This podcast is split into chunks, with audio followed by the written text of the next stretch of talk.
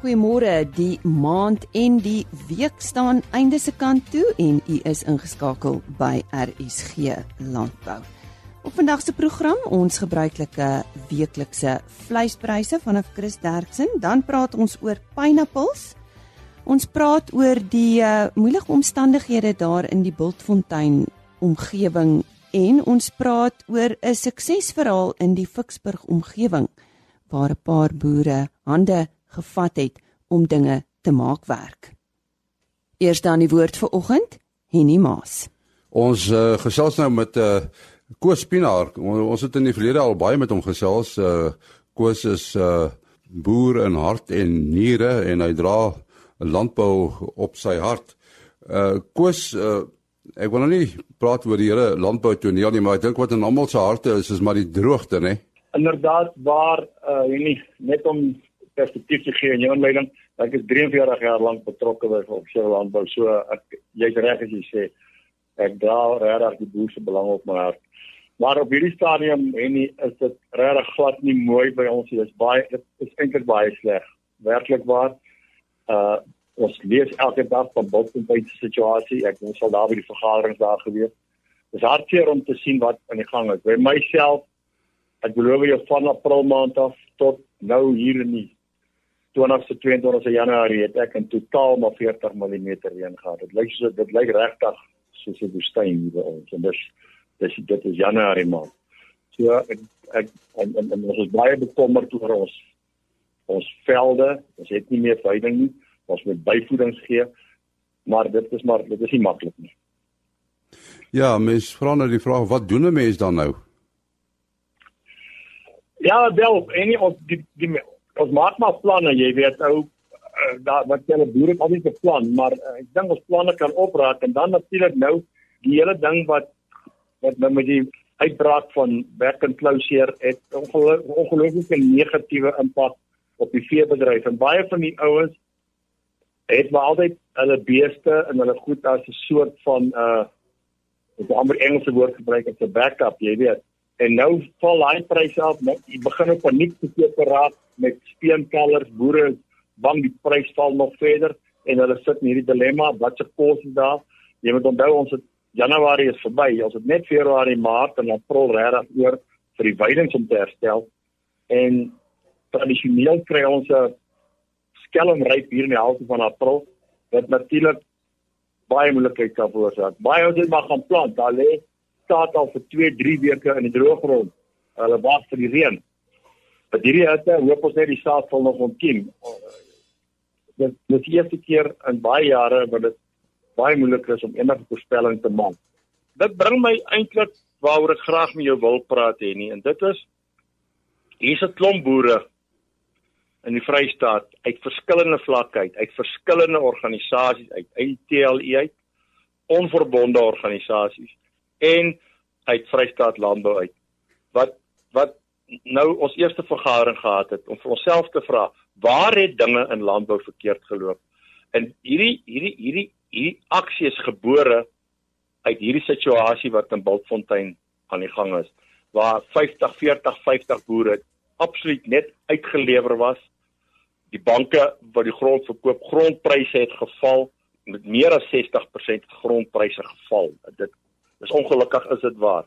So dis 'n hele skaakmat situasie en daar's 'n groep hulle self noem bewusmakingsgroep onder die leiding van Christus Snyman en Koenie besluit nou dit begin. En hierdie boere het eenvoudig gesê kom ons staan saam. En ons probeer ons situasie nou gesamentlik red en nie meer individueel nie. En toe 'n groep uit daai en uit ander groepe hele Vrystaat uit Vrystaat landbou lede en so het besluit kom ons Kom ons kyk waar wil ons landbou hê in 2050? Hoe gaan landbou lyk in 2050? Want op die oomblik, op die oomblik kry die boer soveel en die verbruiker betaal baie meer. Daar gaping tussen wat die verbruiker kry, wat die verbruiker betaal en wat die boer kry het te groot geword. In die suiwerbedryf op 'n stadium, as die verbruiker 'n rand spandeer het aan melk, het die boer daarvan 50% gekry. Op hierdie stadium kry 'n boer enigiets tussen 25 en 27% van wat die verbruiker spandeer. Met ander woorde, ergens in die middel het iemand begin of as gevolg van watter omstandighede, maar die boer kry al minder. Die boer raak eintlik die ontvanger van van die vrye mark. En soos ek gesê het, niemand het gaan kyk wat kan die impak wees van globalisering op wêreldhandel. Ons het verskillende landbouorganisasies wat elkeen sy eie ding bedryf. As ons gaan kyk hoe landbou verander het in terme van veiligheid, in terme van uh, die huidige droogte toestande, die finansiële posisie van die boer, uh grondoneening. Dis alles goed wat 'n bedreiging is vir ons as boere en nog steeds kan landbouorganisasies nie gesamentlik oor hierdie probleme praat nie. Elke ou onderhandel op sy eie met die regering daaroor. En my ondervinding het vir my geleer want ek het self ek was self afvaardigings om met die ANC regering te gaan praat. Het my ondervinding het my geleer dat hulle sê vir jou sê nee, ons hoor wat julle sê van AgriSA se kant af, maar ons moet ook gaan hoor wat sê die anderster want julle praat net een mond uit nie. En al wat gebeur, die, die regering ontduik sy verantwoordelikheid teenoor landbou want daar's nie konsensus nie. En wat my hartseer maak en en, en en ek praat regtig met my hart se taal, is dat ons organisasies nou nog nie kan sê kom ons stem saam, ons maak een verklaring oor grondoneening. Kom ons stem saam oor die veiligheid van boere. Ons maak een verklaring, ons praat uit een mond oor veiligheid. Jy weet, As hierdie ouens my vanaand kom aanval, gaan nie my vra watter organisasie behoort jy nie. Hulle gaan nie. Hulle gaan nie vra of jy lid is van TLE of lid van Vrystaat Landbou of as jy lid van 'n organisasie nie.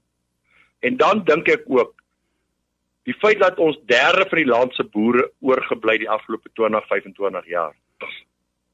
Vra ek net, hoe bekostigbaar is dit om nog twee of drie organisasies te hê wat namens boere praat? En dis een ding wat hierdie organisasie regtig wil na vore bring. En dan natuurlik die ver verwydering vanaf die mark wat ons is. Daar's baie gedagtes wat praat en sê, maar kan ons die gaping nie tussen die verboer en die verbruiker kleiner kry nie. Nou, dit dit mag pypdrome wees, maar landbou is 'n nuwe politieke bedeling. Landbou moet wegkom van die vorige politieke bedeling se denkwyse. Ons moet saamwerk, saam om 'n tafel sit om te werk in die toekoms van landbou. Ja, sê baie dankie aan Koos Pinaar wat uh, met ons gesels het oor die situasie van boere veral daar in die dele waar dit baie droog is.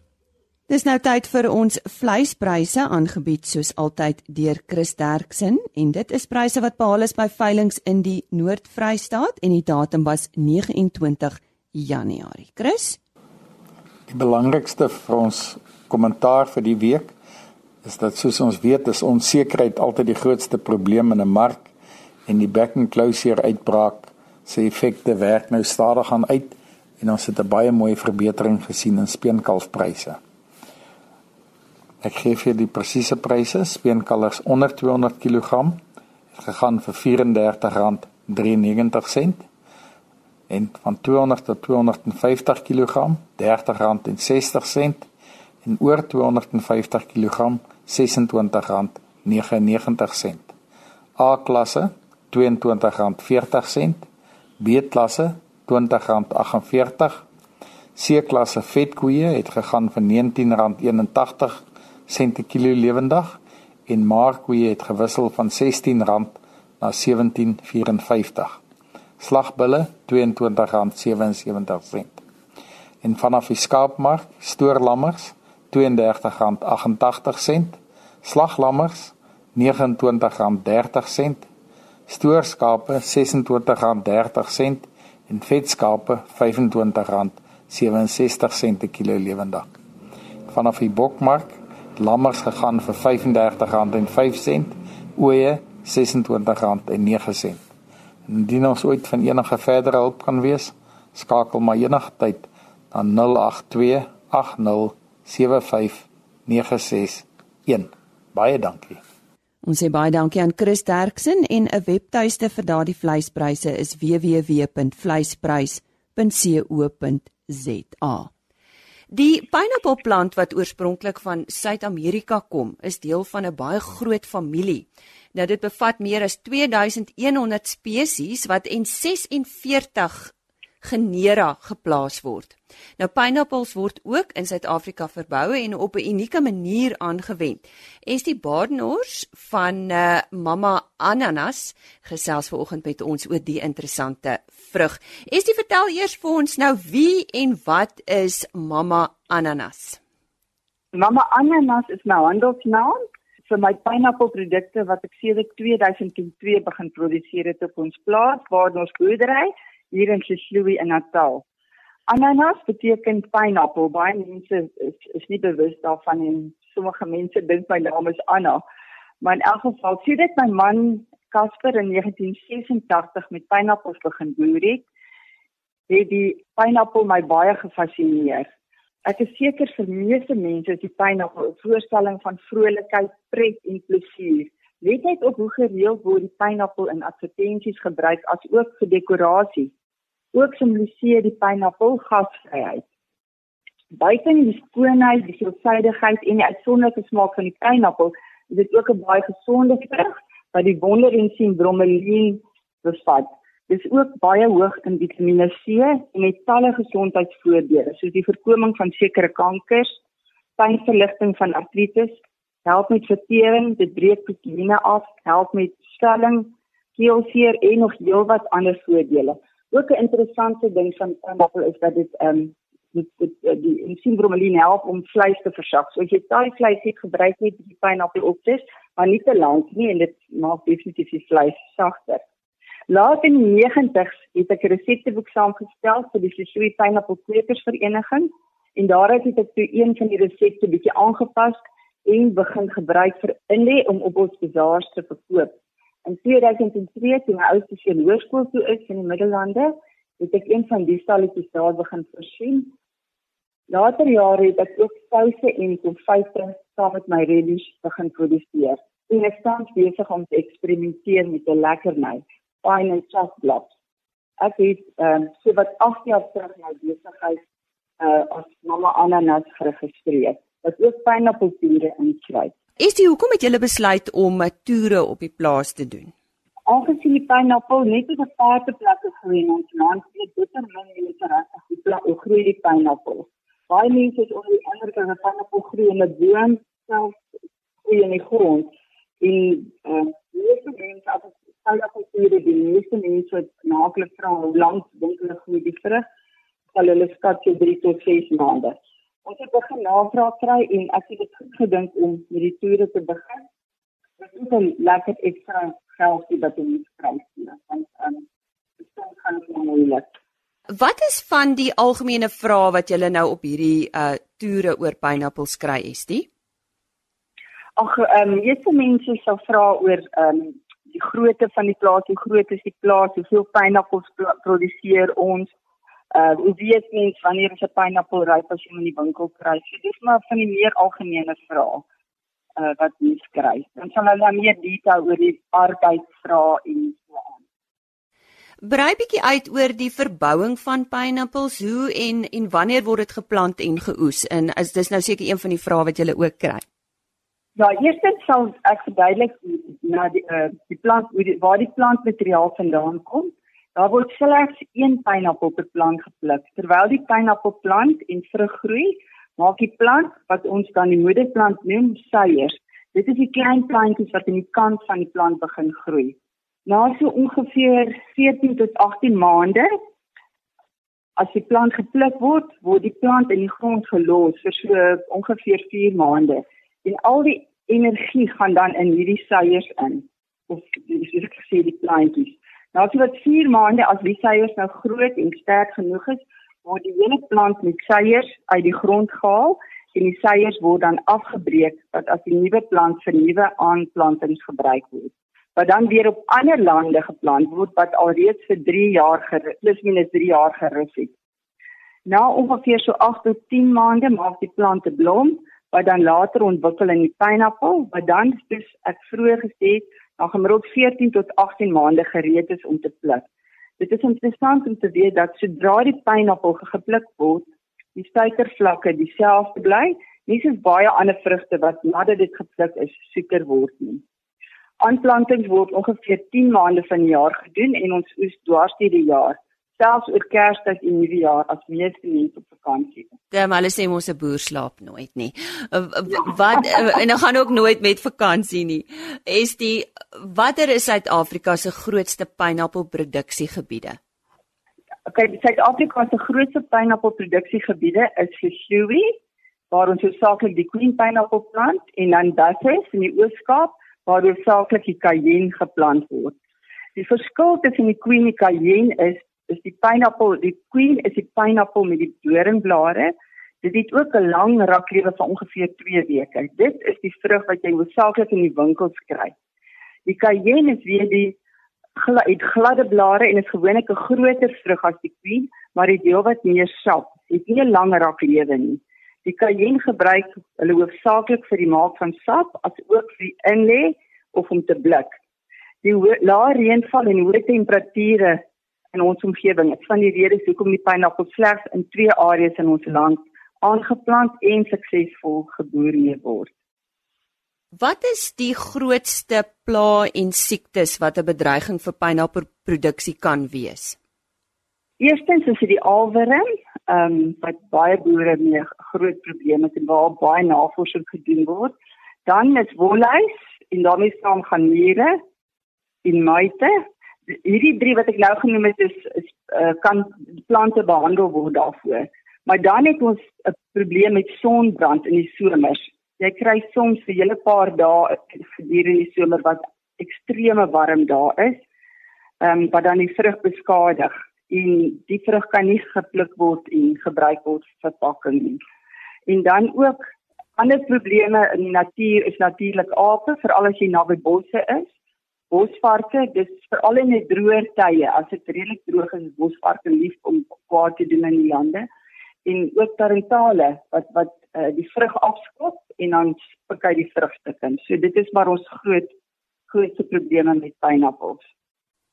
Is dit ons plaaslike pineappel appelproduksie. Uh hoe vergelyk dit met ander lande? Ons is maar baie klein teenoor die res van die wêreld. Costa Rica, Brasilië en die Filippyne is die lande wat die meeste pineappels produseer. Uh maar soos ek sê, ons is seker van die lande wat die, die minste produseer. En hoe lyk die pineappelmark op hierdie stadium in Suid-Afrika? Met die ekonomie wat tans so swaar trek, is die aanvraag na pineappels ongelukkig nie so goed as wat ons dit sou wou hê nie. As jy geld min het, sal mense eerder 'n appel of 'n piesang of 'n lemoen koop om te eet. Ook is meeste mense glad nie bewus van die hoë voedingswaarde van die pineappel nie, veral nie in die winter nie en die, as ook die veelsidigheid van die vrug nie. En dit was 'n vrou wat 'n passie het vir 'n pineappel. Haar naam is Estie Badenhorst en sy's van Mama Ananas en hulle is daar in die Sisluwi omgewing in KwaZulu-Natal. Ons sluit nou af met 'n suksesverhaal daarvan die Ficksburg omgewing. Ons uh, gesels nou met Petrus Groewe oor die MD Foundation Missio Day. Nou dis 'n besondere aksie wat julle mee besig is Petrus. Vertel ons 'n bietjie daarvan. Ja, Henny, baie dankie. Ja, ehm um, Mishu Day of MD het het, uh, het begin in 2010 September. Uh waar ons 'n uh, klomp boer in die Ficksburg omgewing saamgebid het vir 'n ruk en uh na gebed, jy weet, na 'n paar maande se gebed beleef het dat die Here ons roep om bymekaar te kom, al ons besittings bymekaar te voeg en 'n besigheid te begin wat se doel is om die koninkryk van van die Here te vestig waar ons is. Ja, so dis dis waar alles begin het. Ja, hoe werk dit presies? Hoe dit werk hier nie is is dat ehm uh, toe ons begin het, het ons elkeen het, het nou al sy bates ingevoeg in hierdie hierdie nuwe maatskappy in. Ehm um, en afstand gedoen eintlik vir alles wat ons besit ingestem, maar ons weet net alles behoort aan die Here. En nadat ons kaart kom het, ek dink ehm um, in die begin was ons 5, 6 boere wat begin het en ehm um, en toe elke ou begin om in sekere afdelings te te fokus. So ons het ehm uh, ons het 'n melkery afdeling en dan ons 'n bees afdeling wat 'n groottal is en ons het ook skape en, en dan 'n saai afdeling en dan ons uit die aksie saak ook die afdeling waar ons nou al ons projekte en goeders doen vir ons gemeenskap en in, in elkeen van ons speel 'n rol binne in hierdie hierdie afdelings en uh, ons roeping is soos ek sê is is ons wil graag sien dat ons gemeenskap beïnvloed word deur ons boerdery. So uh, alles wat ons kan, ons winste wat wat ons kan afstaan af gebruik ons dan nou uit die boerdery uit om hierdie projekte te finansier. Ons kry hierdie aard van die saak ook baie hulp van buite af omdat ons nie meer alles self kan doen nie. Maar ja, ons wil graag sien dat daar armoedeverligting kom, werk geskep word, mense opgelei kan word om goeie rentmeesters te wees en siekes uh versorg kan word. So dis eintlik in kort, jy weet, waarmee ons ons besig hou. En kan jy miskien 'n voorbeeld noem van van die projekte wat nou baie suksesvol is? Ja, uh, ons ons eerste projek waarmee ons begin het, het dat persone uit die gemeenskap ons genader wat uh uh, uh mense versorg het wat wat terminaal siek was en ons gevra om hulle te help en toe het ons 'n huis ingerig op een van ons plase wat vandag, jy weet, dien as 'n hospis waar waar ons pasiënte versorg uh wat wat wat baie siek is, um of terminaal siek is, meeste van hulle. En dan het ons daarna het ons met 'n skool begin. Ons het gesien byvoorbeeld dat uh jy weet daar nie goeie opvoeding is in ons omgewing vir kinders van plaas plaaswerkers meestal nie. En toe het ons so 6 jaar terug begin met 'n skool. Ons het 'n 'n store en melkery gehad op een van die plase wat ons toe begin omskep het om as 'n skool te dien. En vandag is daar is daar nou al 'n klomp kinders, ons nou tot by graad 6 uh wat ons gevorder het van kleuterskool tot by graad 6. Ja, en dan het ons 'n kliniek begin omdat hier in die platland is daar maar uitdagings rondom mediese versorging uh van mense en dat ouens maar jy weet skraal of of min toegang het tot goeie mediese versorging. En toe het ons begin met 'n kliniek op die plaas en ons werk saam met die regering ook. Hulle het 'n kliniek in die dorp en hulle voorsien vir ons kroniese medisyne in ons die fasiliteit ingerig en ons voorsien 'n suster en so meer. En dan is ons ook besig in in in in in in die gemeenskap by skole of met Keleng wat nou soos jy in Engels praat die township is hier by Ficksburg ons gaan na skole toe en aan aan ehm uh, ons vra hulle dat hulle vir ons graad 3 kinders gee wat sukkel om te vorder. En dan lei ons mense uit die gemeenskap uit op om om Engels en en wiskunde dan vir hierdie kinders te leer. Uh en en en en so probeer ons dan in 'n jaar se tyd die kinders wat agter is weer op standaard te kry sodat hulle kan vorder want want ons het gesien ons kan nie skole bou vir almal in wat 'n uh, onderwysbehoefte het nie maar ons kan ons moet modelle ontwikkel waar ons meer kinders kan bereik op 'n op 'n meer koste-effektiewe manier. En dis een van die projekte wat ons begin het. Ons het selfs in Pretoria ook van hierdie projekte nou al van stapel gestuur waar ons kinders by skole na skool help met wiskunde en Engels sodat hulle in die proses kan bly, nie die skool hoef te verlaat nie en kan vorder met hulle skoolloopbaan. Ja. En dan is so 'n bietjie werkskepingsprojekte en so meer.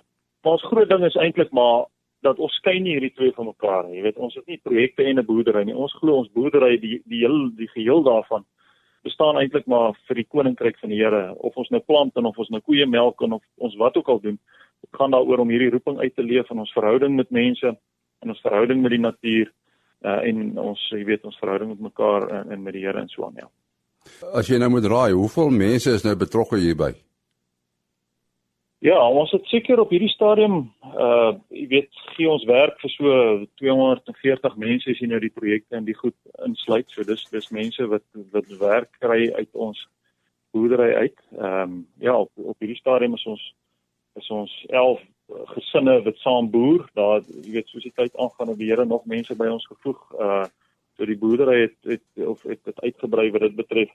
Ja, dis min of meer die die werk wat ons verskaf. En ons daai die aardse saak seisonale arbeiders en so aan, maar ek meen dit is maar uh nie permanent van aard nie. Ja.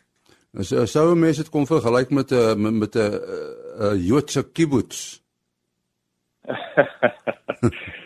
Wel, uh, ek dink daar is seker ooreenkomste met met met hierdie goed. Ehm um, ek ek dink ons het ons het versekerde ekonomiese dryf wat ons wil graag seker maak dat dit wat ons doen ekonomies sin maak ehm um, sodat ons effektief kan wees. Ons is geroep om rentmeesters te wees. So ons moet so goed boere as wat ons kan. Ehm um, maar en maar ons het ons het ons het ook 'n doel dat elke ou moet 'n waarde kom toevoeg. Jy weet elke ou het 'n rol om te speel om om te om om seker te maak dat hy waarde toe, toevoeg tot ons boerdery want ons wil nie graag 'n welsynsorganisasie wees waar ons net hier kom rondhang nie. So ons wil elke ou moet kom seker maak hoe gaan hy bydra tot die besigheid en hoe dit verder uitdra, uitbrei en ook bydra tot ons roeping Maar ek dink ons groot ding is dat ons het 'n uh, ek ek dink 'n kibbutz se, se roeping is dalk om 'n gemeenskap te help en ek dink ons deel daarin. Maar ons groot fokus is eintlik maar 'n koninkryksfokus om te sê ons wil graag sien dat die Here se koningskap sigbaar word waar ons besig is uh in al die praktyke wat ons wat ons daagliks mee doenig is en dis ons fokus. En saam met dit kom uit die aard van die saak die feit dat koninkryk is nie net 'n geestelike ding nie. Dit bepaal hoe wil die Here hoe moet jy boer? Hoe moet die praktyke lyk? Hoe moet jou tegnologie lyk? Hoe moet jou verhoudings lyk? Al daai goed. So ons hele boerdery beweeg eintlik van 'n punt af wat ons alles filter of sif deur hierdie roeping wat ons het as 'n as 'n koninkryksboerdery ja. So ek ek seker daar is ooreenkomste ten opsigte van verhoudings en saamwerk en dat ou saam 'n groter doel kan verwesenlik. Ja. Uh daar is seker, maar dit is nie ons uitsluitlike doel om so te wees nie ja. Ja, dit is 'n wonderlike storie. Dit is uh, dan Petrus Groewe van Missio Day wat uh, gesels het daar. En op daardie positiewe noot sê ons dankie dat u hierdie week saam met ons gekuier het vir RSG Landbou. Onthou indien u weer na enige van ons onderhoude wil luister, u is baie welkom om die volgende webtuistes te raadpleeg. Dit is www.rsg.co.za. Soek net onder potgooi vir RSG Landbou. Alternatiefelik www.agriorbit.com klik bo in die bladsy op broadcast en dan RSG landbou. Ek herhaal die laaste webtuiste, dit is www.agriorbit.com. Goeie naweek vir u en as ons weer gesels, is dit Februarie. Totsiens. RSG landbou is 'n produksie van Plaas Media. Produksieregisseur Henny Maas. Aanbieding Lisa Roberts en inhoudskoördineerder Jolandi Root.